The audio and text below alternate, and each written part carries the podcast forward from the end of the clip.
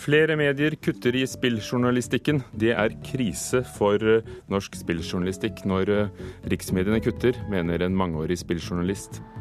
Verdens største podkast er tilbake. Nå skal Serial fortelle historien om en amerikansk soldats fangenskap hos Taliban. Og Kygo, norsk verdensstjerne, spiller på Nobelkonserten i kveld. Velkommen til Kulturnytt, der også Fredagspanelet samles mot slutten av sendingen her i Nyhetsmorgen. Flere riksdekkende medier skjærer ned på dekningen av dataspill, og det er kritisk for norsk kritisk spilljournalistikk, mener Rune Fjell Olsen, som i mange år har dekket feltet. I stedet overlates spilldekningen og anmeldelsene til bloggere og videokanaler på nett. For alle oss som er opptatt av god diskusjon rundt hva spill er og kan være, så er det krise. Rune Fjell Olsen har arbeidet som dataspilljournalist siden 1997. De siste fire og et halvt åra har han jobba med Level Up for VG. Men fra nyttår blir programmet lagt ned, og han ser det samme skjer i stadig flere norske aviser. Vi har hatt en uh, veldig veldig god spilldekning i Norge i alle de store mediene. Nå uh, kuttes det kraftig uh, hos alle, og alle de dedikerte satsingene i de store mediene forsvinner. What's up with the subtitles? Wow! I scared the shit out of me! I stedet blir anmelderiet og omtalen av nye dataspill overlatt til YouTube-stjerner som PewDiePie og bloggere. Det inntrykket blir også stadfesta av kunder i en spillbutikk i Oslo. Jeg leser ikke så mye spillannonser i Aftenposten og sånn, egentlig. Men uh, det finnes jo egne spillblad da, som går litt uh, grundigere til verk, syns jeg. Det er viktig å ha spilljournalistikk i norske medier også. Bare det er ikke min kanal for å lese om ting. Facebook eller YouTube, det er den kanalen jeg går på. Jeg ser ikke TV, f.eks. Det finnes jo også noe som heter Twitch, som man kan se folk som spiller på nett. Da får man se spillet før man kjøper det. Men dataspillindustrien er en hurtig veksende industri. Derfor er det viktig at norske medier har en kritisk dekning av feltet, mener Olsen. Han frykter for kvaliteten til spilljournalistikken når anmelderne har uklare bindinger til spillprodusentene. Det som er vanlig i eh, spillbransjen, det som spillutgiverne ofte gjør, er jo f.eks. betalte turer. At de betaler eh, fly og hotell for at eh, journalister skal dekke spillene deres. De har avtaler som anmeldere må signere på forhånd, som ofte begrenser deres, deres evne til å si hva de vil om spillene. Det er mange sånne type ting som den norske spillpressen har vært flinke til å la være å gå med på. Og han får støtte fra Jon Cato Lorentzen, som i flere år har dekt dataspill for Aftenposten. Han tror ståa i mediebransjen er grunnen til at så mange kutter nå. Det har nok først og fremst sammenheng med at media er under sterkt press nå når det gjelder inntekter og ressurser, og det er nedskjæringer i alle flater og alle områder. Spilljournalistikk eller spillkultur er et ganske smalt dekningsområde innenfor journalistikken, så da er det jo lett å kutte det som det som er et lite satsingsområde og kanskje ikke den største inntektskilden. Kulturredaktør Sara Sørheim i Aftenposten vedgår at de har mindre spelkritikk på trykk nå enn tidligere, men sier de fremdeles vil dekke feltet. Det riktige for Aftenposten og vårt publikum er å skrive om spillbransjen på et litt mer overordna nivå. Men spill er en gigantisk kulturindustri, og det er veldig mange mennesker som bruker mye tid på det. Burde man ikke da dekke det bedre? Jo, Spillbransjen er nok underdekka. Det skal jeg faktisk eh, det skal jeg ærlig innrømme. Jeg tror ikke vi helt alltid er flinke nok til å se hvor enormt stor den bransjen er, og hvor mange som driver med det. Så de signalene tar jeg til meg. Samtidig som jeg er opptatt av at Aftenposten skal dekke dette som med nyhetssaker, som vi dekker alle andre kulturuttrykk. Sara Sørheim, Aftenpostens kulturredaktør, intervjuet av Petter Sommer, og så hørte vi også reporter Petter Alnes.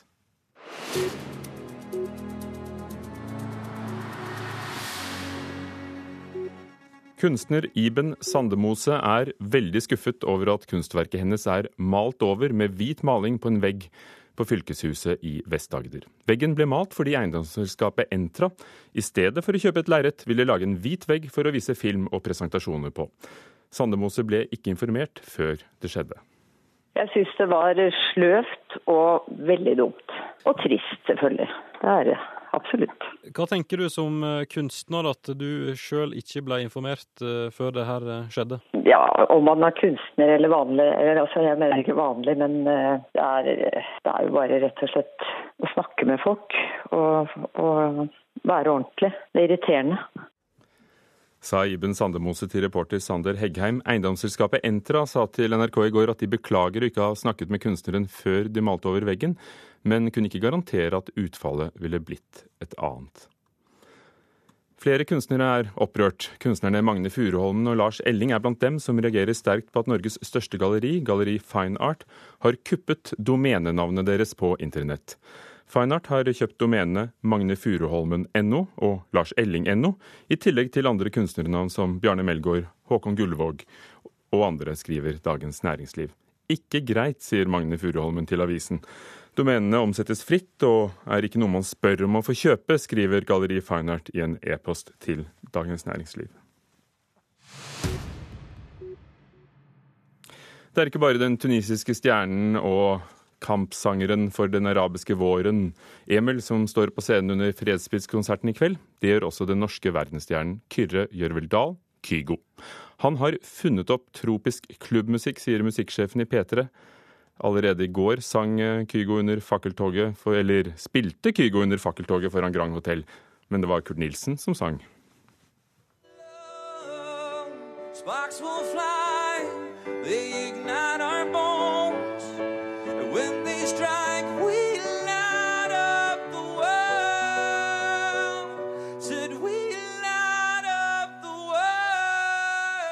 Kygo live fra Grand Hotell i Oslo i går. Nå lader han opp til kveldens Nobelkonsert, der han står på scenen med en annen bergenser, Kurt Nilsen. Jeg har jo altså, jeg har hørt om Kurt siden jeg var knøttliten, så det, det, er veldig kult å, å, jobbe med nå. Så jeg, jeg gleder meg. 24-åringen er en av verdens største i sin sjanger, og musikken hans har nådd millioner av lyttere. Han nærmer seg en milliard avspillinger av låtene sine på tjenester som YouTube, Soundcloud og Spotify.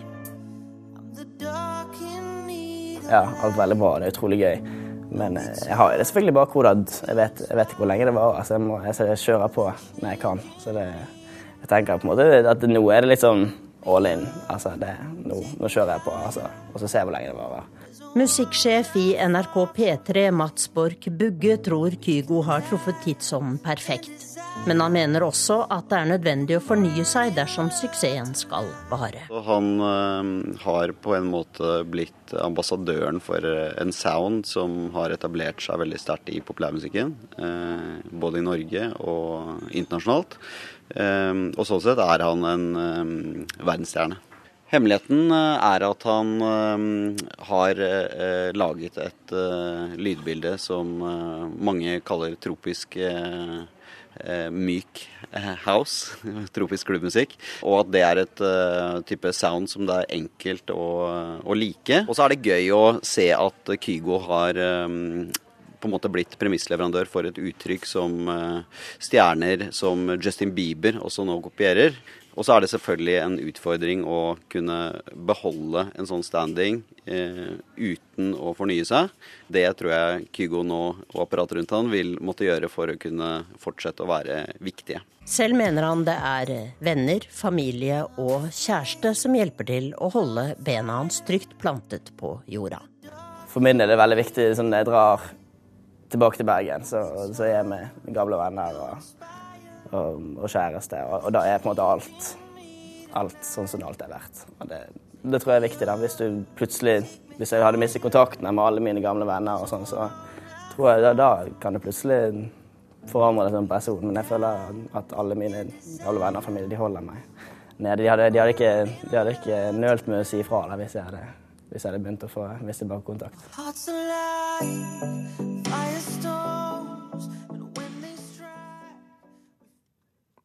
Og det var eh, reporter Tone Staude og Christian Ingebretsen som hadde laget saken, saken og til slutt så hørte vi Kigos slager 'Firestone'.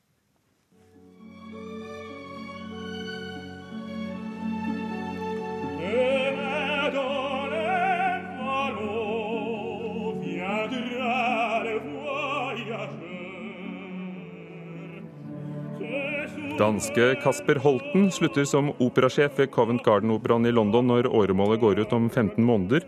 Det er herfra vi hører Rolando Villason synge på nettopp en av verdens mest kjente operascener. Etter hva NTB erfarer, har Det Norske Opera vært i dialog med Kasper Holten som en aktuell kandidat til samme stilling i Oslo, men det vil ikke operaen kommentere offisielt. Kasper Holten var operasjef i København i ti år, før han dro til London til en av operaverdenens mest ettertraktede stillinger. Det skal handle om radio som podkast. Med over 100 millioner nedlastninger sørget Serial for at podkasten fikk sitt uh, store gjennombrudd. Nå er programskaperne klare med en ny sesong. Denne gangen skal de nøste opp historien om den amerikanske soldaten Bo Bergdahl, som tilbrakte fem år i Talibans fangenskap. From This American Life and WBEZ Chicago, it's Serial, one story told week by week. I'm Sarah Koenig. Good evening, everyone. Ordinarily, the release of an American serviceman after five years in wartime captivity would be a cause for universal celebration, joy, plain and simple. Pentagon sources tell NBC that Bergdahl vanished under mysterious circumstances. Fra Serial. Torkel Risan, journalist her i NRK, driver en podkast um, under radioprogrammet Salongen som handler om nettopp serier og andre podkaster. Hva er fenomenet Serial?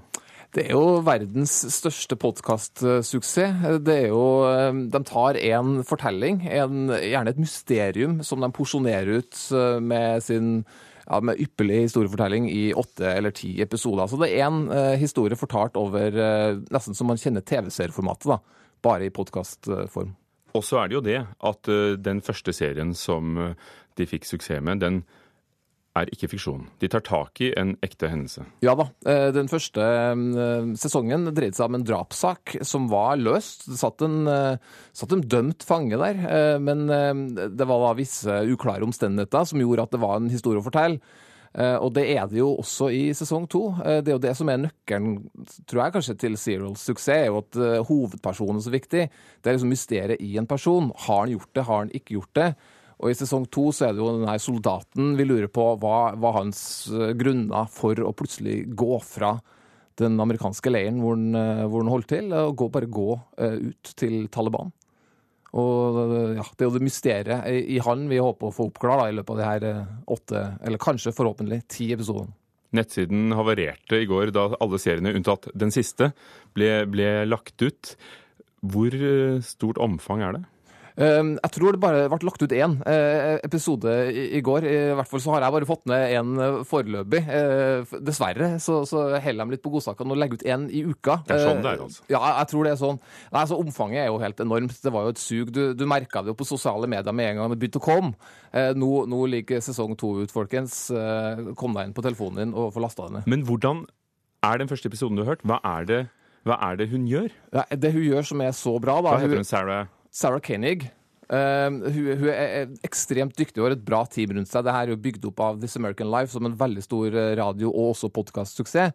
Så det er jo folk som kan historiefortelling uh, altså til, til fingerspissene. Um, men, men, hun har også et kildetilfang som er helt uh, unikt. I sesong én så hadde hun jo den her såkalte drapsmannen, han som satt fengsla for et drap. Han var jo med som en kilde i saken. Og her får du også da for første gang også høre Bo Bergdahl. Han har jo gått han har vært helt bort, selv om saken har jo rast, og Obama har fått masse kritikk, for han gikk jo med på å utveksle fem Guantánamo-fanger i bytte mot denne amerikaneren. Men han har ikke snakka. Men vi hører den da selvfølgelig i Serial. Så det er et realt stykke journalistikk? Absolutt. Takk skal du ha. Torkil Risan, som har egen podkast om podkaster og serier under Salongen, NRK P2s radioprogram om Serial, som ble lagt ut i USA i går. Klokken er 17 minutter over åtte. Du hører på Nyhetsmorgen i NRK. Telenor-ledelsen ble varslet for elleve år siden om at kvinnelige ledere ble oversett og forbigått av menn. Det viser en intern rapport. En mor og en sønn er siktet for grov menneskehandel og tvangsarbeid. De tvang barn til å stjele, mener politiet. Utleieprisen i Stavanger stuper pga. den lave oljeprisen. Færre trenger kommunal bolig. De klarer å leie boligen selv i stedet. Dette er overskriften i dag. Vi fortsetter med Kulturnytt her i Nyhetsmorgen. Fredagspanelet er samlet. Velkommen, Hilde Sandvik, kultur- og debattredaktør i Bergens Tidende. God morgen. God morgen i Bergen. Kjellars Berge, professor i, i retorikk og annen veltalenhet ved Universitetet i Oslo. Hei, takk. Eh, og og eh, Synne Øverland eh, Knutsen, eh, redaktør, musiker, eh, bokentusiast. Takk for det. Jeg fordrer dere til å si hei, sånn at vi etterpå kan kjenne dere igjen når dere skal svare ja og nei på spørsmålene. Første spørsmål. Piratnettstedet Popcorn Time lever i beste velgående, kunne vi rapportere denne uken, på tross av norsk og internasjonale filmbransjes forsøk på både forbud og stengning. 160 000 nordmenn bruker denne tjenesten til å se film hjemme minst én gang i uken. Nå kommer Star Wars på kinoene, og når den skal vises for første gang, så er det metalldetektorer og nattkikkerter hos vaktene for å hindre nettopp piratopptak. Vil det noensinne lykkes filmbransjen å få kastet gratispassasjerene av toget, Hilde? Ikke helt. Kjell Lars? Ja. Synne? Nei. Hvor, hvorfor vil de ikke klare det, Hilde Sandvik? Nei, altså jeg tror, nå er det jo sånn at tallet går ned på folk som bruker Popcorn Time, og en kommer sikkert komme ned til et ganske greit nivå. Eh, men utgangspunktet her er at for det første så er strømmetjenestene som vi kjenner, eh, og som vi betaler for, de leverer ikke godt nok. Eh, og så tror jeg òg faktisk at kinoene blir nødt til i framtida å tenke at når en går på kino, så skal det være enda bedre av en opplevelse, rett og slett. Som en vet hva betale for. Ja, jeg sa jo ja for å være litt provoserende, selvfølgelig. Det er klart det er vanskelig å gjøre noe med dette, men Er det som med trikken, de må finne seg at det vil alltid finnes noen som sniker? de, Og det er alltid noen som stjeler, for å si det sånn. Så, så det er jo ikke noe nytt da. Men, eh, men det er jo et mål selvfølgelig at samfunnet vårt skal fungere slik at de som skaper disse verkene, enten det er filmer eller bøker, ikke får noe igjen for det økonomisk. Da. Det er det, det saken dreier seg om, at det er noen som stjeler, rett og slett. Noen som tar fra andre. Det som de bør betale for, da. Dere er jo alle skapende mennesker her. eh, Skriver og, og, og lager musikk. Så på en måte inhabile. Ja, for jeg tror ikke det er det vi diskuterer om eh, noen skal få betalt. Jeg tenker, det er om man, at Fokuset er jo om klarer å kaste folk av, og det er kanskje litt eh, feil fokus. da. Klarer man å kaste folk av, eller klarer man ikke å kaste folk av? Jeg vil gjerne ha litt mer diskusjon om hva man kan gjøre for å få disse strømmetjenestene bra. da. Så eh, Det er jo et sånn pisk- eller gulrot-spørsmål. Det er sånn, skal man, skal man fokusere på å piske, eller skal man fokusere på å gi, en, gi muligheten til å være god, da, eller muligheten til å betale? Men man vil jo ikke. Hvis man har muligheten til å sånn Ja, vil du betale for en dårlig tjeneste, eller vil du eh, ha en gratis, ganske velfungerende tjeneste? Så er det jo valget ganske enkelt, da. Nei, Det er jeg helt enig i, og det er klart at det er mye som kan gjøres med dette. Jeg tenker liksom, jeg er jo abonnent på flere sånne tjenester. eh, Vimp, Spotify, Netflix og HBO og sånn. Og det er klart at det er veldig mye som ikke er der, og som burde være der. Vi kan jo ta europeisk film, eh, norsk film, svensk film osv. Det er jo veldig rart. Hvorfor får de ikke til det? Hvorfor skal det liksom bare være amerikansk film? Nå er jo de seriene ofte innmari gode, da. Så jeg er jo der hele tida. Men, eh, men noe, av problem, noe av problemet her syns jeg er i forhold til opphavsmenn og kvinner. Altså, Hvordan kan de få mer ut av dette? Jeg hørte intervjuet med en fremragende musiker som jeg elsker stort, Jeff Beck. Han fortalte at han tjener altså ingenting på å være på Spotify på, på disse tjenestene. Altså, hvordan er det mulig, liksom? Hvem er det som tjener penga? Og han må reise jorda rundt. Han er over 70 år og reiser jorda rundt og spiller for, på konserter. Det er der du tjener penger, ved å lage events, da, hvor altså gamle gutter sånn som meg kommer og ser på sin stjerne fra 60-tallet en gang til, ikke sant? Og betaler 2000 kroner for billetten, da. Men det tror jeg, det er jo nettopp det jeg tenker altså med kinoen òg. Kinoen har faktisk den muligheten til å lage, lage det party og gå på kino. Og ikke sitte opp i en hel haug med popkorn og krøllete papir osv. Så videre. så jeg tror at hvis en, skal, hvis en skal klare å gjøre noe med den type filminteresse, så må en jo nettopp tenke wow, det skal være en det skal være en hendelse å sitte i den kinosalen. Og dessverre så blir det jo på en måte bare verre og verre. Tjenesten må bli bedre, sa du, Synnøve Øverland Knutsen. Du har jo selv eh, gått i bresjen for å lage en podkast der forfattere leser inn også upublisert materiale. Um, har du da noen ideer å Kjempebra gi dem? tjeneste. Men kanskje du kunne by på noen ideer? Ja, ja, ikke sant. Ja, det ja, altså, sånn, Man går jo fort over inn i den klassiske diskusjonen da, at, det er, eh, at utvalg må bli bedre, og at, eh, og at det ikke må deles på så mange plattformer, for da er det jo også vanskelig å eh, manøvrere i. da. Men eh, ja, vi kan også tenke litt kreativt, men det får vi gjøre over en kaffe, da, vet du. Altså, jeg, jeg vil si Som forbruker, altså, du kaller det, eller som kulturmenneske, så syns jeg det er jo helt fantastisk det som har skjedd. Jeg mener, Før i tida så måtte jeg lese engelske musikkblader liksom for å høre hvilke, eller vite hvilken plate jeg skulle kjøpe. Så jeg måtte gå ned i en butikk i Oslo prøve å finne den plata. Nå kan jeg altså i løpet av to sekunder finne hele verdens musikk, så å si, på ett nettsted. Jo Det er ufattelig utvikling, altså. den klassiske serien Blindpassasjer gratis på nrk.no. Jeg bare, bare nevner dem. Nytt spørsmål. Y-blokken i regjeringskvartalet er havnet på listen over Europas mest truede kulturminner. Inntil for eh, noen få år siden så skulle den fredes, nå skal den rives. Vil arkitekter, Picasso og kulturminneentusiaster lykkes i å få regjeringen til å snu og bevare dette stykket arkitektur midt i Oslo? Ja, altså, jeg veit ikke, men eh, jeg svarer ja.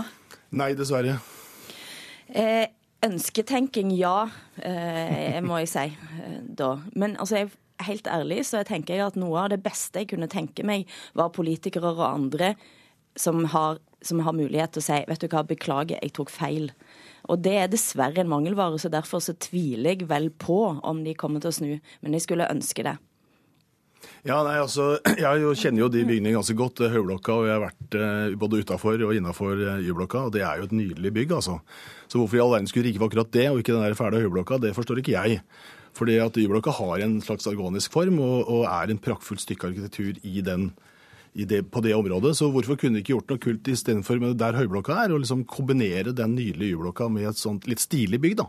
Jeg, jeg skjønner ikke helt hvorfor, altså. Var ikke dette noe folk elsket å hate inntil for Jo, men- ikke så lenge siden? Fordi det rev noen forferdelig flotte bygninger som var der før. ikke sant? Hele Hammersborg var jo totalt mattraktert. Vi, gamle Oslo er jo liksom ødelagt, dessverre. Det er lenge siden, altså.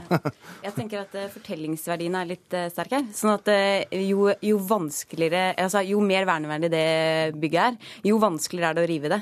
Eh, sånn at eh, med den lista så blir det jo mange som jeg tror vil lene seg mot den fortellingen, da, som er at, eh, at det er et, eh, en viktig kulturarv vi har med å gjøre. Da. Eh, Men jeg tror hvis når svaret er sånn at om, vi, om det er hva som kommer til å vippe det til et ja eller nei, da, så er det jo mye annet som spiller inn. F.eks. at Ring 1 skal gå under eh, i en tunnel og ja, sånne type ting. Altså, det er mange ting som kommer til Hvis, det kommer til å, hvis de kommer til å endre mening da, så, eh, og endre vedtaket, så er det nok flere ting som spiller inn. Eh, Det, det er Det er jo Picasso på den ene Mm. siden der.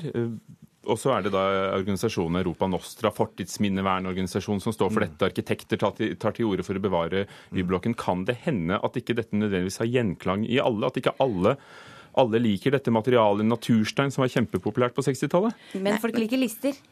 Ja, folk liker lister, men det, er- men det er noe med at hele dette området er jo tenkt som et byrom. altså, og Høyblokka og Y-blokka henger sammen som tvillingbygg. Eh, og det å rive den ene, ta vare på den andre, det er som å fjerne en tvilling.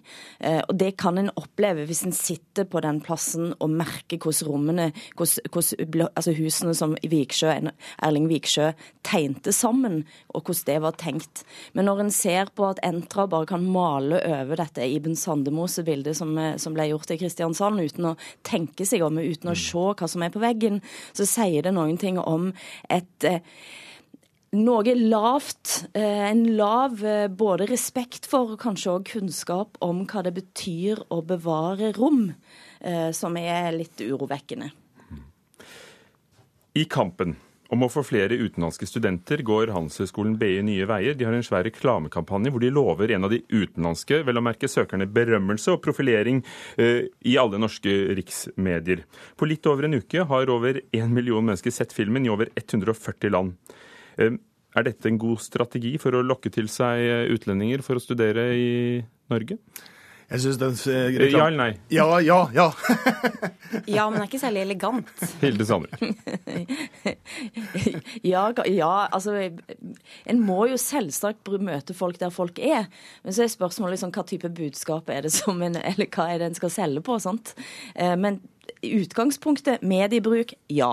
sant? Ja, men, altså, jeg, må, jeg var livrig her, da, for jeg syns det var en ganske morsom reklamefilm, faktisk. Og sjelden gå til å være fra et universitet hvis man tenker å møte folk, da. Jeg, har- jeg har selv vært med i en sånn kampanje for Universitetet i Oslo. Jeg tror ingen husker den, knapt nok meg selv.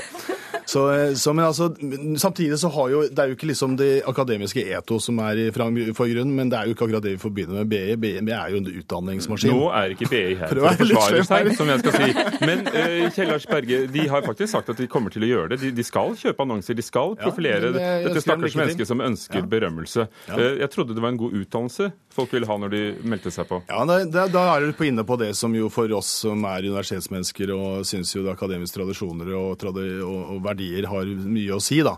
Men det er klart, BIs tradisjon er jo en litt annerledes uh, tradisjon. Det, det, må jo sies, og det er jo ikke noe til forkleinelse for dem. De bare tenker omkring dette på en annen måte. De skal levere utdannelser til næringslivet. Det er deres uh, hovedoppgave, tror jeg. Og Universitetene har jo en, og de skal også drive forskning knytta til det, så det er en instrumentell organisasjon mye mer enn tradisjonelle universiteter. Det tror jeg de vil være enig i, faktisk. Ja, jeg vil godt, Men jeg, vi må jo svare på om det er en god strategi eller ikke. Og da er det jo dessverre en god strategi, fordi den funker. Mm. Men som med alle strategier, så er det jo ganske enkle og pubertale og banale hvis man ser gjennom dem. Og det er jo denne her også. Så man, vi kunne snakke litt om ordet berømmelse, f.eks. Hvor, hvorfor det funker så bra. Det. I en ideell verden skulle jo ikke det funka så bra. Eh, men, men, det er kanskje ikke det vi skal snakke men, om. Men samtidig så er det jo da sånn altså det har vært utdeling av nobelpriser nå. Ja. Det er en, for, altså det er en berømmelse. Og det å, å på et vis kunne slå i bordet med faglighet tror jeg faktisk kan bli den nye vinen.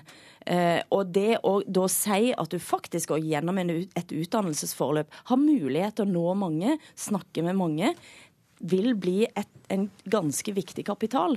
Så det å tenke seg at du bruker liksom den type berømmelsesbegreper, jeg vet ikke, det er uinteressant. Men, men jeg, tror på, jeg, tror på, synlighet. Og hvis ikke nå eh, institusjoner blir synlige og virker relevante, så kommer de faktisk til å dø.